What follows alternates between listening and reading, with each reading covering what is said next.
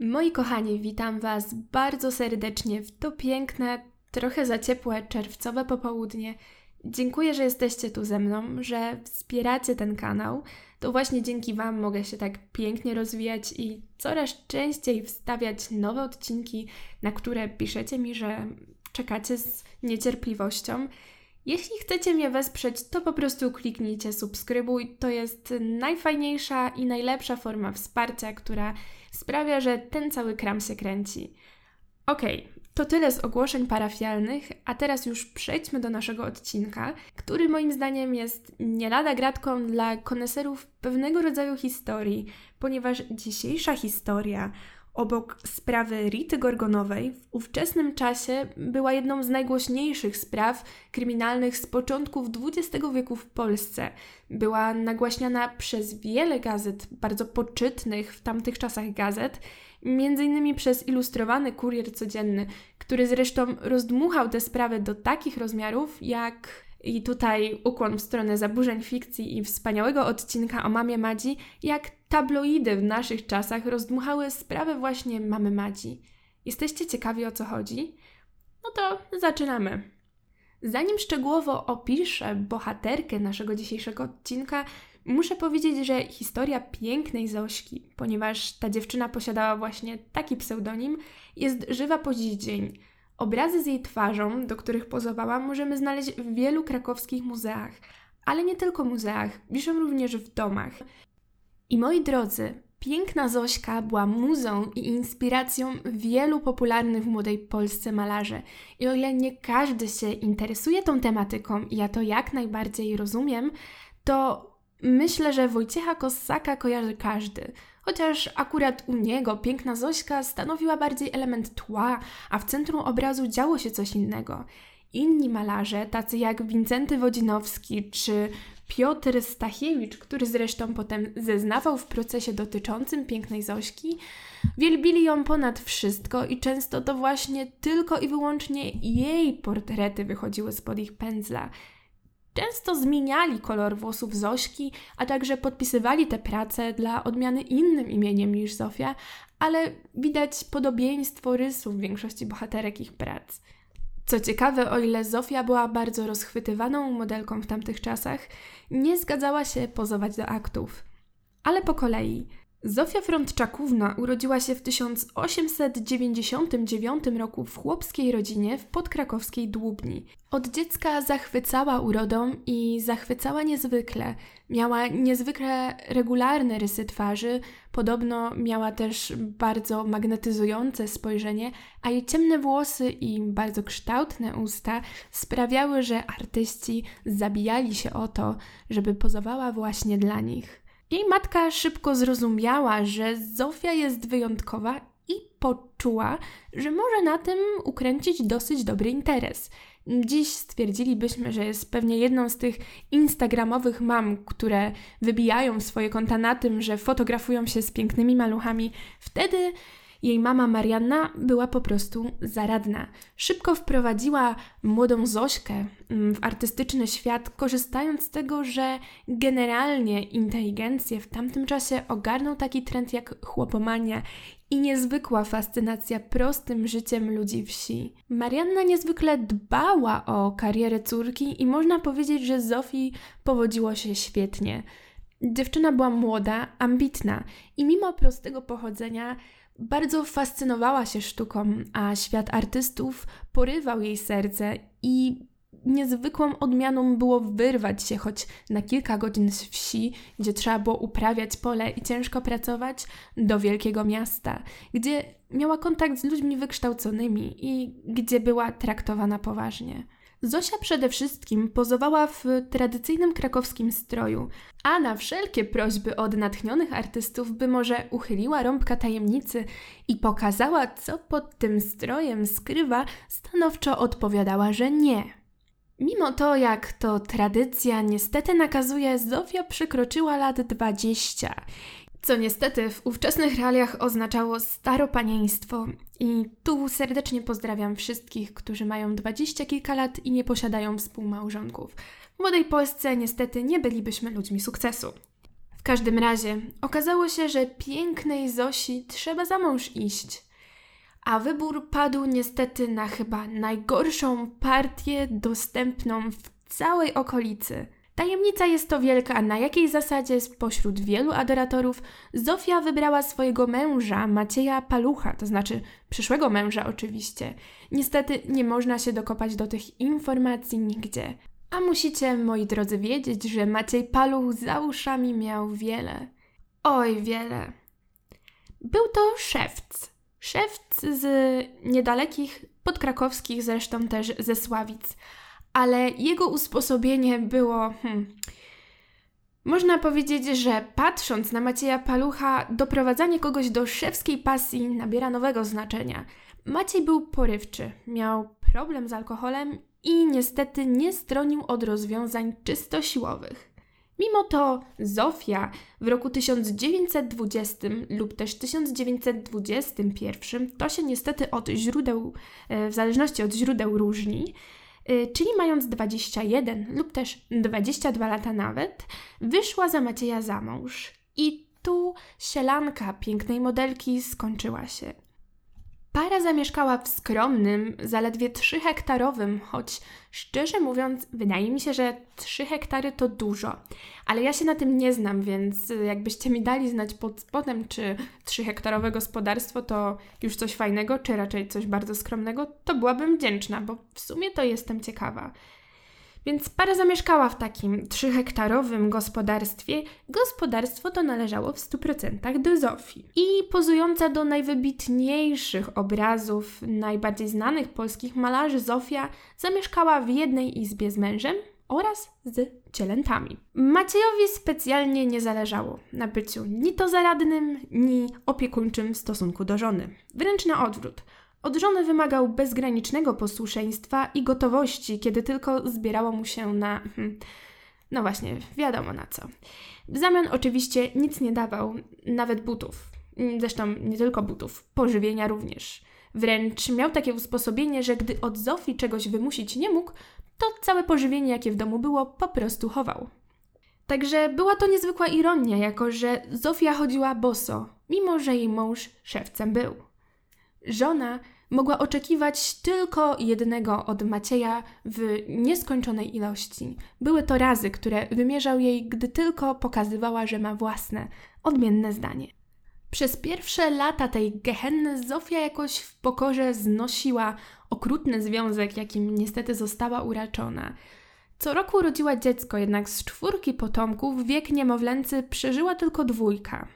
Jak potem pisał Pitawal Krakowski, Maciej reagował awanturami na jakiekolwiek zachowanie żony odbiegające od wyznaczonych od siebie zasad. Żądał od żony całkowitego posłuszeństwa. Nic w zamian za to nie dając. Na dobitek wszystkiego Palu żądał od żony stałej gotowości do pożycia seksualnego, doprowadzając ją do stadium wywołującego u niej już tylko wstręt. Piotr Stachewicz, jeden z malarzy, wspominał później, mówiła, że sobie za męża wzięła kogoś obrzydliwego i że ma do niego wielki żal o to, że mężczyzna ten sumienia nie posiada. Wraz z przyjściem dzieci na świat sytuacja w domu nie polepszyła się. Zofia często chodziła do swojej siostry, która mieszkała niedaleko, prosząc o jakiś posiłek dla siebie i dzieci, ponieważ mąż chował jedzenie i głodził ich. Zresztą nie tylko głodził, bo także bił. Zofia, chcąc y, odciążyć trochę bardzo niezaradnego męża, który jednak nie potrafił utrzymać domu, nadal pozowała dla malarzy, ale to było źródłem jeszcze większych awantur w domu.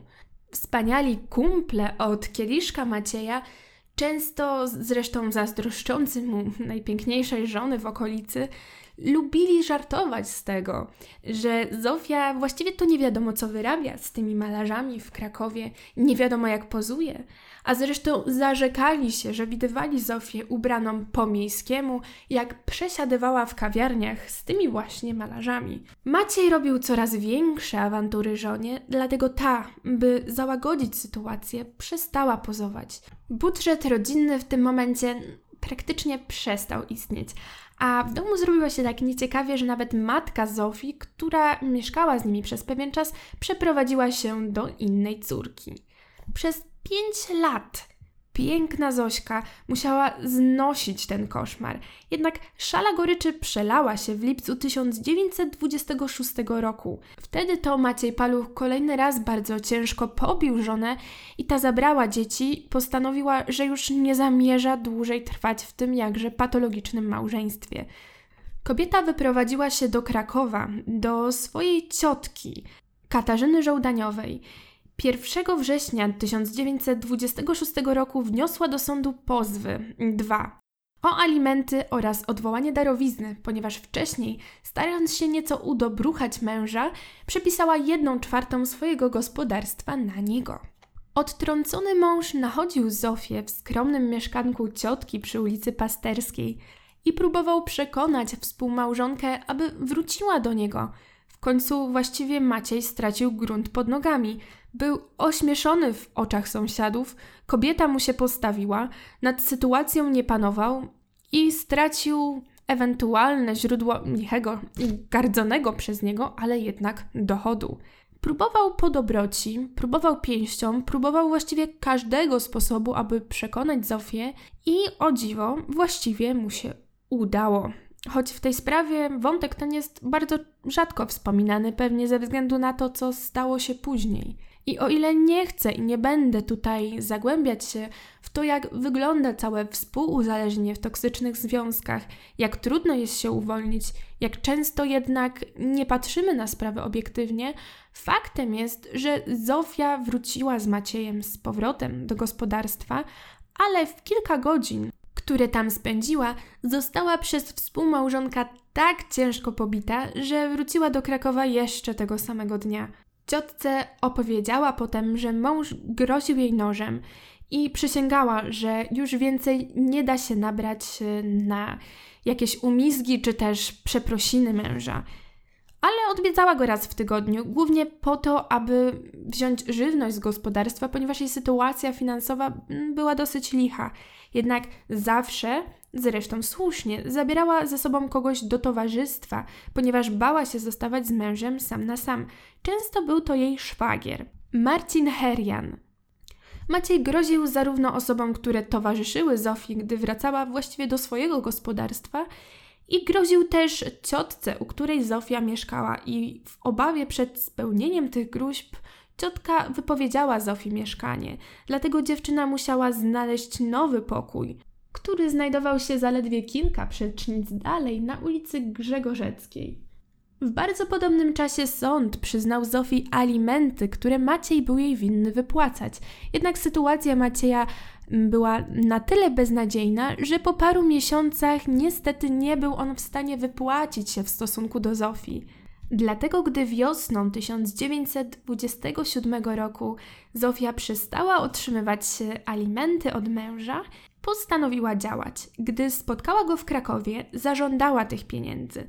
Jednak mężczyzna powiedział, że obecnie jest bez grosza, ale że w niedzielę i tu też w zależności od źródeł ma otrzymać 350 albo 150 zł od niejakiego Pawła Sojki. Nakazał więc, aby przyszła do niego w niedzielę, 15 maja, to jej wypłaci, co jest jej winny. Wydawało się, że mąż mówi prawdę. Zapewnienie o uregulowaniu tej płatności i datę wypłaty potwierdził jeszcze kilka dni później w obecności szwagra Zośki, czyli wspomnianego Marcina, kiedy pojawili się jak zwykle po pożywienie, to jest tym razem ziemniaki. I wtedy też poprosił żonę, aby wycofała dwa pozwy, które złożyła przeciwko niemu w sądzie, czyli pozew o separację i o odwołanie darowizny. Rozprawa ta miała odbyć się 21 maja, czyli zaledwie 6 dni po wizycie, na którą Maciej Zofię do siebie zaprosił. Znaczy właściwie do siebie, no do niej. Jej odmowa, aby wspomniane pozwy wycofać, spotkała się z tak gwałtowną reakcją męża, że wypowiedział on wtedy bardzo znany i wspominany przy okazji tej sprawy prawie zawsze cytat.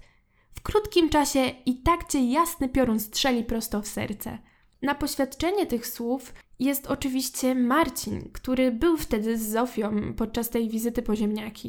I tak w słoneczną niedzielę 15 maja 1927 roku Zofia wybrała się na rzeczoną wizytę do swojego męża.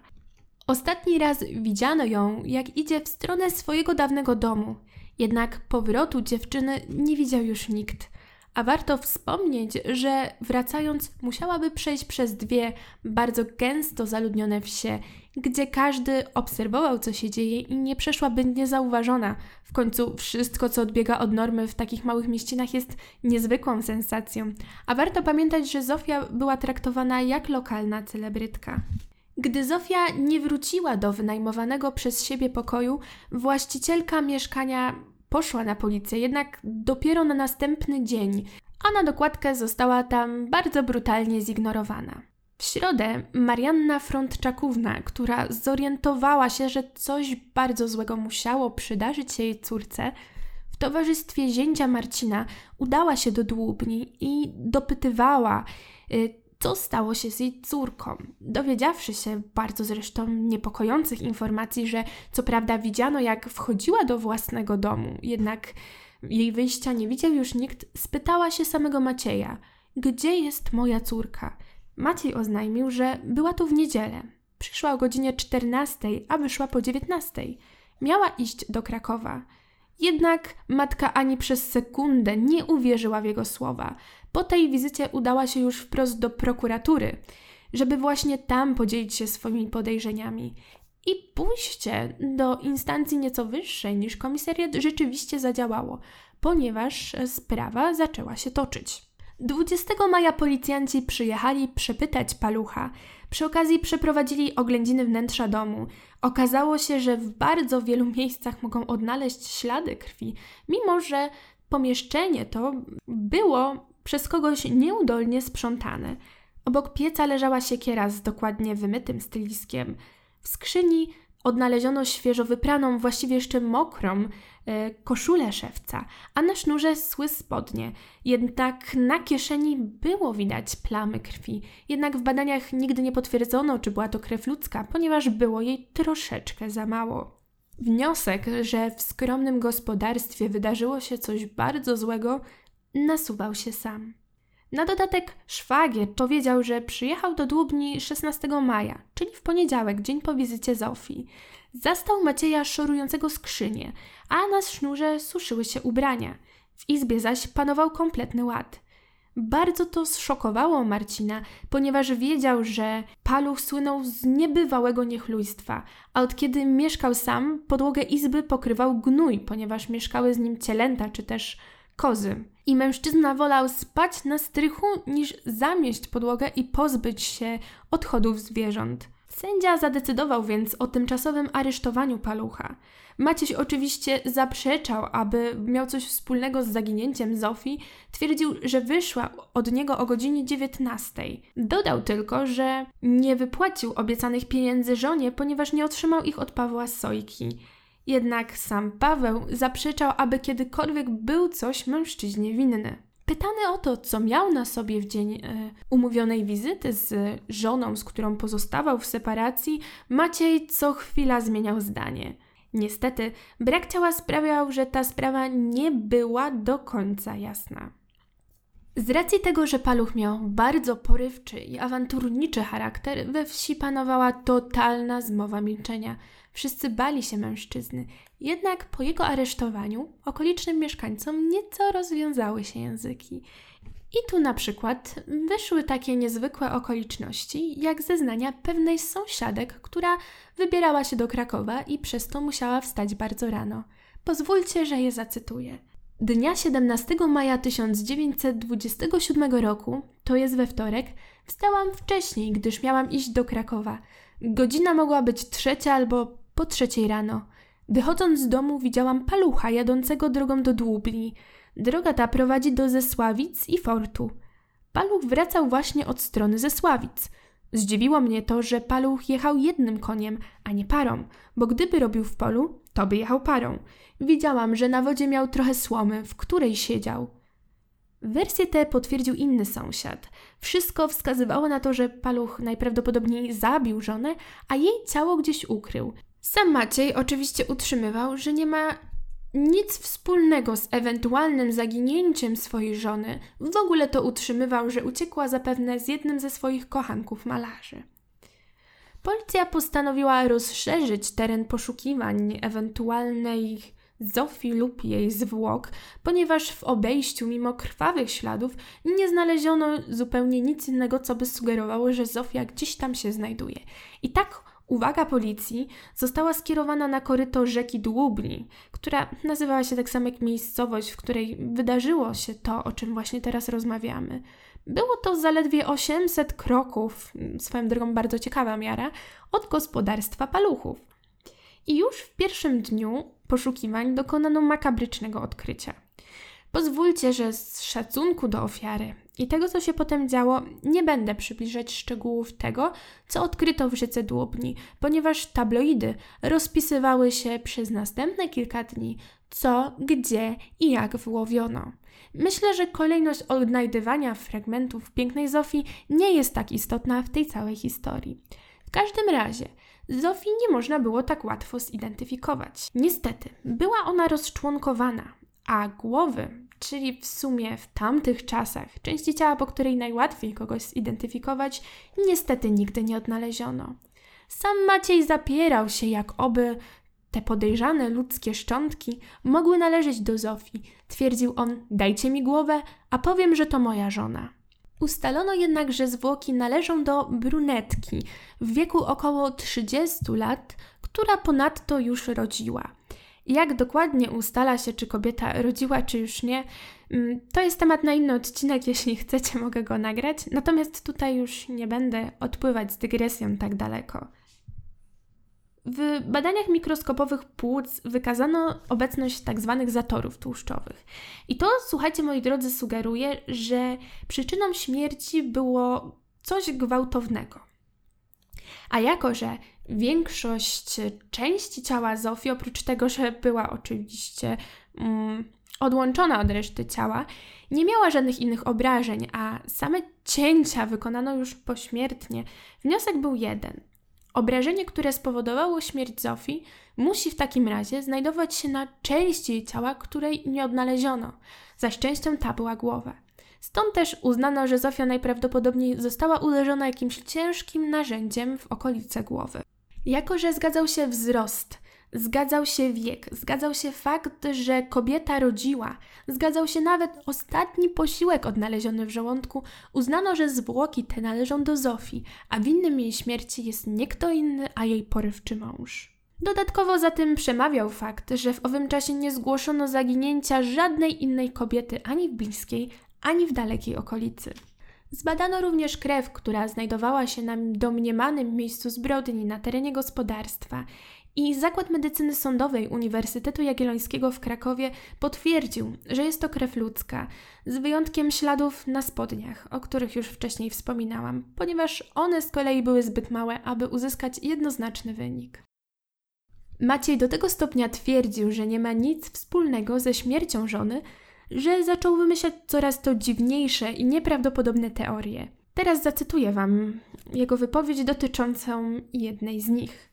Przypuszczam, że żona moja zamówiła jakiś drabów na mnie, by mnie pobili. Widocznie o coś się ze sobą pokłócili, żonę moją zamordowali i rozczłonkowali, aby ich nie zdradziła.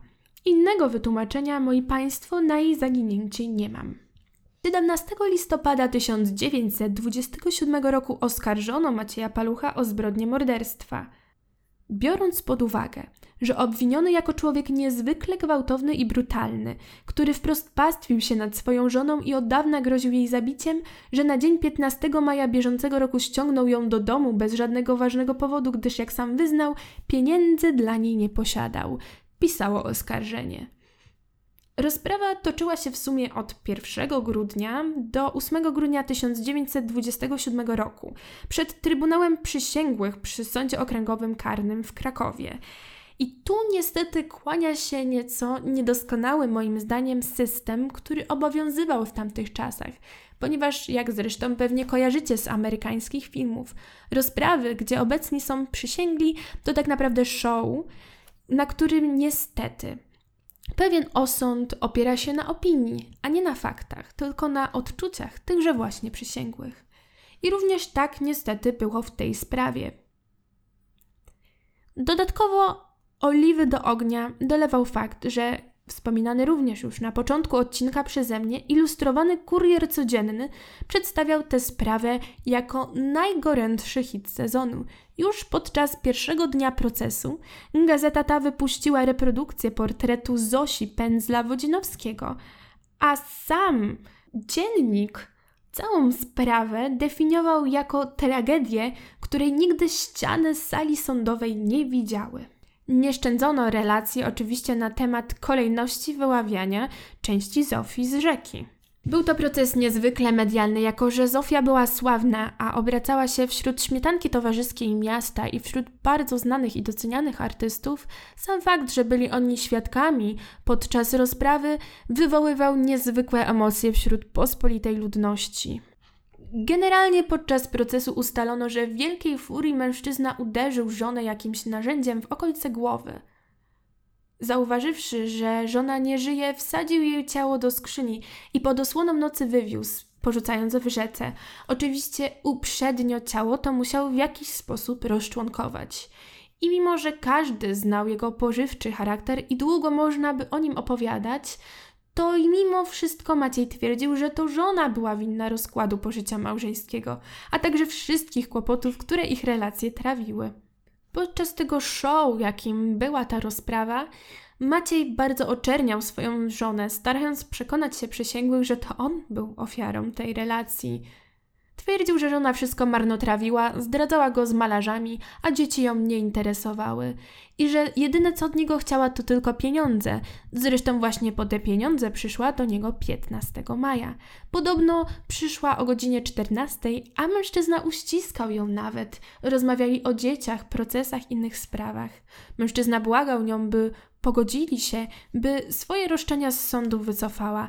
Wyszła około godziny 19 i nawet się z nim nie pożegnała. Twierdził też, że gdy wychodziła, śledziło ją dwóch podejrzanych mężczyzn. Oczywiście mężczyzna cały czas zmieniał swoją wersję co do ubioru w niedzielę. Jeśli chodzi o krew w izbie, to Paluch twierdził, iż cierpi na chroniczne krwotoki z nosa. O dziwo, krwotoki te ani razu nie zdarzyły się podczas jego pobytu w więzieniu. Nie poczuwał się do winy w najmniejszym stopniu. Niestety, na korzyść Macieja przemawiał fakt, że podczas wizji lokalnej, która odbyła się w izbie w Dłubni, nie spisywano jej przebiegu, ponieważ tak właśnie polecił przewodniczący protokolantowi. I brak tego specjalnego protokołu z wizji lokalnej natychmiast wytknął obrońca palucha podczas rozprawy. Dlatego też poddano w ogóle pod wątpliwość prowadzenie całego śledztwa, a także zasadność zarzutów wobec Macieja. Dodatkowo Obrona wniosła o stwierdzenie z urzędu, że fakt, iż przez cały czas rozprawy obecni byli na sali śledczy i to jeszcze na podium obok trybunału, mógł wpływać na zeznania świadków. To wszystko niestety odbiło swoje piętno na osądzie przysięgłych. Okazało się niestety, że zabezpieczenie dowodów było bardzo beznadziejne w tej sprawie, a i sami najbliżsi Zofii niestety nieumyślnie nie pomogli zmarłej już dziewczynie w walce o sprawiedliwość. O co chodzi? 20 maja dokonano oględzin wnętrza domu palucha, a drzwi wejściowe zostały zabite gwoździami. Śledczy mieli nadzieję, że skutecznie zabezpieczą w ten sposób ślady do ewentualnej weryfikacji jeszcze raz. Niestety, kilka godzin później w obejściu pojawiła się mama Zofii, Marianna, wraz z zięciem Marcinem. Odbili oni drzwi i zamieszkali w domu, który według ich pojmowania był ich własnością. Marcin porąbał tą samą siekierą, którą wiadomo co rąbano wcześniej drewno, a Marianna zaczęła się krzątać i gotować. Nic więc dziwnego, że późniejsze badanie prawdopodobnego narzędzia zbrodni nie dało niestety żadnych wyników. Również zeznania jednego z mieszkańców Dłubni nie pomagały. Okazało się, że 22 maja, kiedy policja znowu przeszukiwała koryto rzeki, on przyjrzał się wozowi Macieja Palucha i zauważył plamy, które według niego przypominały bezsprzecznie krew. Znajdowały się na bocznych i spodnich deskach powozu. Widział je także na kołowrocie, dlatego też wyłamał kawałek deski i pokazał deskę tę funkcjonariuszowi, który pracował nad rzeką. A ten go zignorował, komentując, by głowy mu bzdurami nie zawracał. Na korzyść Zofii jako ofiary porywczego męża była pewna historia, która wyszła na jaw w trakcie procesu. Okazało się, że Maciej Paluch, po tym jak jeden z gospodarzy z okolicznej wsi odmówił mu swojej córki jako żony, w ramach zemsty podpalił jego gospodarstwo. A co na temat Macieja powiedzieli sami biegli psychiatrzy? Doszli do wniosku, że mężczyzna jest poczytalny, chociaż targają nim tak zwane wielkie namiętności. Zresztą sama ta zbrodnia mogła być tak zwaną zbrodnią z namiętności. Rozczłonkowanie ciała miało tylko na celu ukrycie tego jakże nikczemnego występku, natomiast nie stanowiło żadnego znaku, który przemawiałby za tym, że Maciej cierpi na jakieś zboczenie. Stwierdzono jednak, że wykryto u Palocha lekkie rysy psychopatyczne, to jest u oskarżonego, jako osobnika o silnych namiętnościach i afektach, możliwa jest gwałtowna miłość i gwałtowna nienawiść. Jest wobec tego rzeczą możliwą, że oskarżony dał się ponieść afektowi. I te słowa niestety było jak ziarno, które położone na wagę przeważa szale na jedną stronę. Maciej Paluch w wyniku przekonania ławy przysięgłych, że mógł działać w afekcie, że również mógł być ofiarą tej całej sytuacji, nie został skazany na najwyższy wymiar kary. Wręcz przeciwnie, został skazany na 15 lat ciężkiego więzienia. Jednak co roku w rocznicę dokonanej zbrodni, to jest 15 maja, miał lądować na tak zwanym twardym łożu, czyli w izolatce. Jakby tego było mało, obrońca Macieja złożył zażalenie i odwołał się od tego wyroku. 2 marca 1928 roku Sąd Najwyższy obniżył ten wyrok do lat zaledwie 12, zachowując jednak identyczne obostrzenia. Maciej Paluch odbywał karę w więzieniu w Wiśniczu Nowym. W 1931 roku napisał prośbę o ułaskawienie do prezydenta RP Ignacego Mościckiego i jednocześnie w tym liście właśnie po raz pierwszy przyznał się do zabójstwa żony. Prawdopodobnie wydarzyło się to tylko dlatego, że właśnie aby być ułaskawionym do czynu przyznać się trzeba. Po wyjściu ułaskawienia tego oczywiście niespodzianka nie otrzymał. Pędził nędzny żywot żebraka i zmarł 9 lipca 1960 roku pod kościołem świętego Marka w Krakowie. To już koniec, moi drodzy, tej historii. Dziękuję Wam, że wytrwaliście ze mną do końca. Być może trochę mnie poniosło, ale jest to wina tej pogody, zdecydowanie. Poza tym strasznie Was uwielbiam, mu strasznie. To tak w klimatach chyba true crime to powiedziałam. Nie no, słuchajcie, ogromnie Was uwielbiam i właśnie dlatego myślę sobie, że czasem może być taki odcinek bardziej na ludzie, gdzie wychodzę do Was bardziej jak bym gadała ze swoimi przyjaciółmi, a nie odgrywała jakieś poważne sprawozdanie w szkole, do której już zresztą nie chodzę od bardzo wielu, wielu, wielu lat. I gdyby komuś z Was udało się dokopać do jakiegoś artykułu z tamtych czasów o sprawie Zofii Paluchówny, to błagam, podlinkujcie go pod spodem. Ja znalazłam tylko jeden i wydaje mi się, że w trakcie składania poniesie mnie tak fantazja, że pewnie gdzieś tam w trakcie filmiku w tle już się pojawiał. Natomiast z przyjemnością poczytałabym o tym, jak wtedy spoglądano na tę sprawę. Dziękuję, że wciąż trwacie ze mną. Życzę Wam wspaniałego, długiego weekendu i widzimy się już niedługo. A szykuję odcinek dotyczący troszeczkę bardziej kryminalistyki i medycyny sądowej. Mam nadzieję, że niedługo uda mi się go wypuścić. Pa!